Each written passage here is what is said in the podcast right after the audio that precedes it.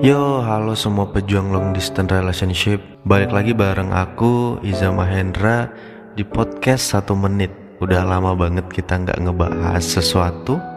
Dan sekarang dari request kalian yang banyak Aku bakal ngebahas tentang LDR Yang dengerin ini malam hari ini Aku ada untuk kalian. Jadi jangan ke mana-mana Dengerin terus sampai habis ya. Jadi sempat tuh aku nanya ke orang-orang kalau kamu harus tiba-tiba menjalani LDR, kamu siap nggak kira-kira? Dan pasti mereka ngejawab, ya jelas enggak lah katanya. Dan ya ternyata benar, aku salah nanya siapa tahu enggak. Padahal LDR ini kan bukan pilihan ya. Lebih karena kita terpaksa harus ngelakuinnya gitu. Kondisi yang memaksa kita untuk harus kita menjalani LDR. Karena kita udah telanjur sayang sama seseorang ya kan. Tapi ternyata orang itu harus pergi melakukan aktivitas lain yang ternyata jauh dari lokasi kita sekarang gitu ya. Bisa dia lanjut kuliah di luar kota atau dia dapat kerjaan yang lebih bagus tapi harus pergi keluar kota gitu. Akhirnya kita mau nggak mau harus menjalani long distance relationship ini.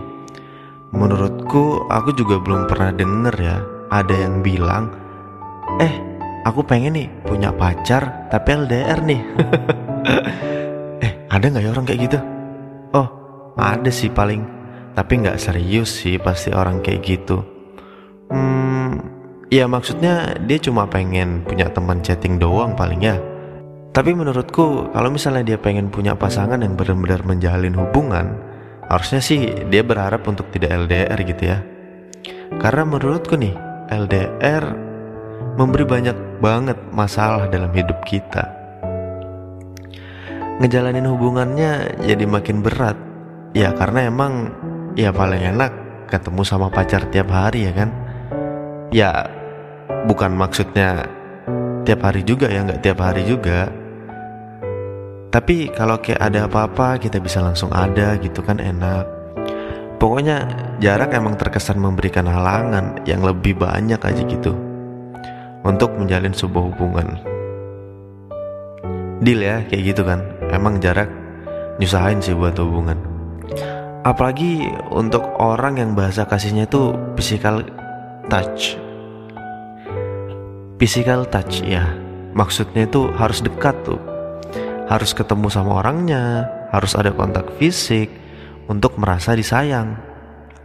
Ngejalanin LDR waduh itu bencana banget sih pasti. Berat banget nih untuk orang yang bahasa kasihnya tuh physical touch gini karena dia nggak merasa terpenuhi dengan bahasa kasihnya yang dia tidak dapatkan dari pasangannya gitu.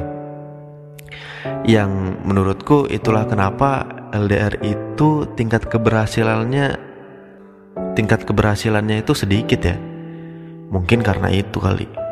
Terus kalau bilang begitu seolah-olah LDR itu hampir mustahil dong dilakukan aja ada yang nanya tuh barusan.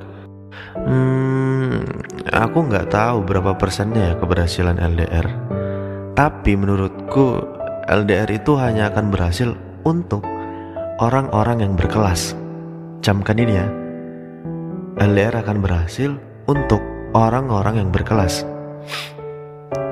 Untuk orang-orang yang ngerti kalau hubungan itu bukan cuma masalah kontak fisik, bukan cuma soal ketemu, bukan cuma soal bareng-bareng tiap hari tapi juga soal kepada siapa hati ini mau menetap gitu ya kan? Maksudnya nih maksudnya meskipun rumah sedang berjauhan kalau misalnya kita tipe orang yang berkelas kita tahu ke mana kita harus pulang. Pulang ya tadi tipe pulang jadi meskipun sementara ini harus pergi jauh dari rumah kita tetap berbahagia tuh untuk menghabiskan waktu di luar sambil ngangen-ngangenin rumah dan akhirnya Nanti kalau aktivitas yang jauh itu sudah selesai, kita bisa kembali dengan sangat bahagia ke rumah kita. Cuman bisa dilakukan oleh orang-orang yang berkelas sayangnya. Gak semua orang bisa. Maksudnya nih, karena ini tuh hanya berhasil kalau kita punya pengalaman yang cukup soal cinta. Atau mungkin kita jadi orang yang tiap hari tahu apa yang harus dilakukan saat kita menjalin LDR ini belajar terus gimana ngadapi masalah, yang terjadi dalam LDR.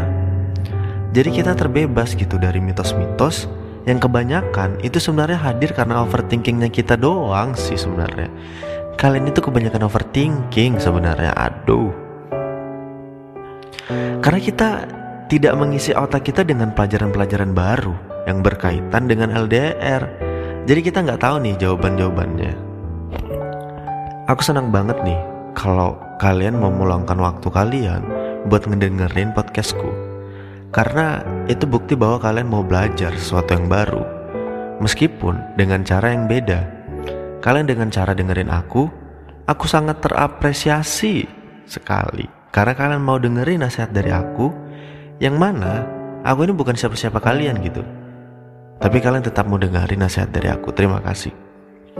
Dan anyway, long distance relationship butuh banget tuh, sangat butuh itu. Kita harus uh, jadi yang memperkaya kita tiap hari gitu. Maksudnya kita harus memperkaya diri kita dengan ilmu-ilmu itu. Karena tantangan yang kita hadapi lebih sulit dari hubungan yang biasanya. Kita harus tahu cara membahagiakan dia tanpa ketemu. Kita harus tahu gimana memenuhi rasa kangen untuk ketemu, eh tapi nggak bisa kita harus belajar untuk mengikhlaskan dia ada di kota orang atau ada di tempat yang jauh, melakukan apa yang dia ingin sesuai cita-citanya, dan menahan rasa egois kita yang pengen selalu dekat sama dia tuh. Itu susah banget kan? Aku tahu rasanya. Itu butuh perjuangan yang gila banget. Makanya, menurutku orang-orang yang cocok untuk menjalin long distance relationship ini adalah mereka yang percaya bahwa Cinta gak bakal sebegitu mudahnya dihapuskan cuma karena jarak yang memisahkan. Karena apa? Kalau aku pribadi, aku percaya bahwa jarak itu gak selamanya buruk buat hubungan gitu loh. Gak, gak selalu buruk gitu loh. Contohnya nih, contohnya adalah aku percaya bahwa jarak adalah cara untuk mengetahui seberapa jauh cinta kita bisa terbawa. Maksudnya, dengan membebaskan dia mengejar apa yang menjadi cita-citanya. Aktivitas baru di luar kota itu sekaligus mengetahui sebenarnya cinta dia itu untuk kita besar atau enggak. Apakah kalau dipisahkan jarak nih, cinta dari kita itu tetap terbawa ke dia atau enggak gitu maksudnya. Karena ini berhubungan sama pengekangan gitu. Kalau kita egois, dia harus dekat sama kita selamanya gitu kita nggak pernah tahu apakah kalau kita nggak ada di dekat dia, apakah dia tetap setia atau enggak sama kita. Makanya LDR bisa ngebantu kita melihat apakah orang yang sekarang menjalin hubungan sama kita tuh bakal tetap setia atau enggak gitu. Meskipun kita nggak ada dekat sama dia. Jadi kalau misalnya berhasil, kamu berkelas banget, sumpah. Kalian kalian berdua nih berkelas banget. Bagusnya LDR juga banyak kok, nggak semuanya buruk. Ya, walaupun banyak buruknya juga ya. Meskipun banyak hal beratnya gitu, tapi nggak selamanya juga itu bikin kamu harus ngerasa, wah, aku nggak bisa nih di LDR. Jadi udahan aja nggak, nggak nggak nggak gitu anjir. Karena semua itu tergantung point of view kita kalau kita pengen positif ngelihat LDR, kita pasti bisa melihat gimana ternyata LDR ngebuat kita merasakan jatuh cinta untuk pertama kali. Berkali-kali pada orang yang sama. Keren gak sih? Kamu bisa ngebayangin bagaimana kita dipisahkan dari jarak yang jauh dan waktu bertemunya juga kurang.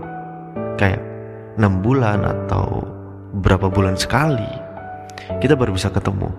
Kamu bayangin deh, berbulan-bulan gak ketemu, sekali kamu ketemu lagi, kamu bakal ngerasain jatuh cinta lagi untuk pertama kalinya ke seseorang yang sama. Itu cuma bisa dirasain untuk orang yang menjalin long distance relationship. Dan gak cuma itu, kalau kamu masih mau positif nih ke hubungan LDR ini, kamu bisa mulai merasa bahwa Emang kamu menjalani hubungan yang lebih berat, tapi bukan berarti orang lain yang menjalani hubungan tiap hari ketemu nggak memiliki penderitaan juga gitu. Ingat nih, jatuh cinta adalah kepada siapa kita bersedia patah hati. Kita semua untuk mendapatkan kebahagiaan, kita akan melewati penderitaan kita masing-masing. Yang menurutku, tinggal pilih aja nih, kita mau menderita dengan cara apa.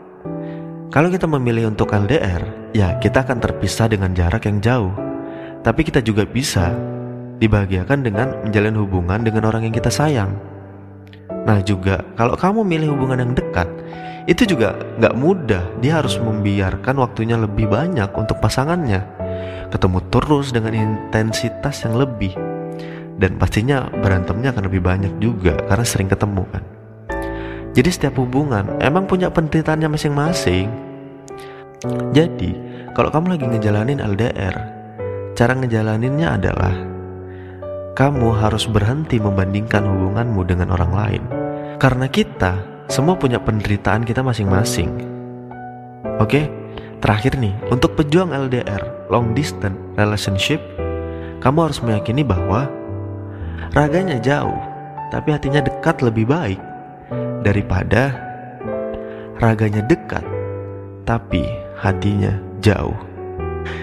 Selamat malam. Share ini ke teman-temanmu yang membutuhkan. Jika dia sedang menjadi LDR kasih tahu dan semoga membantu. Jangan lupa dengarkan juga yang lain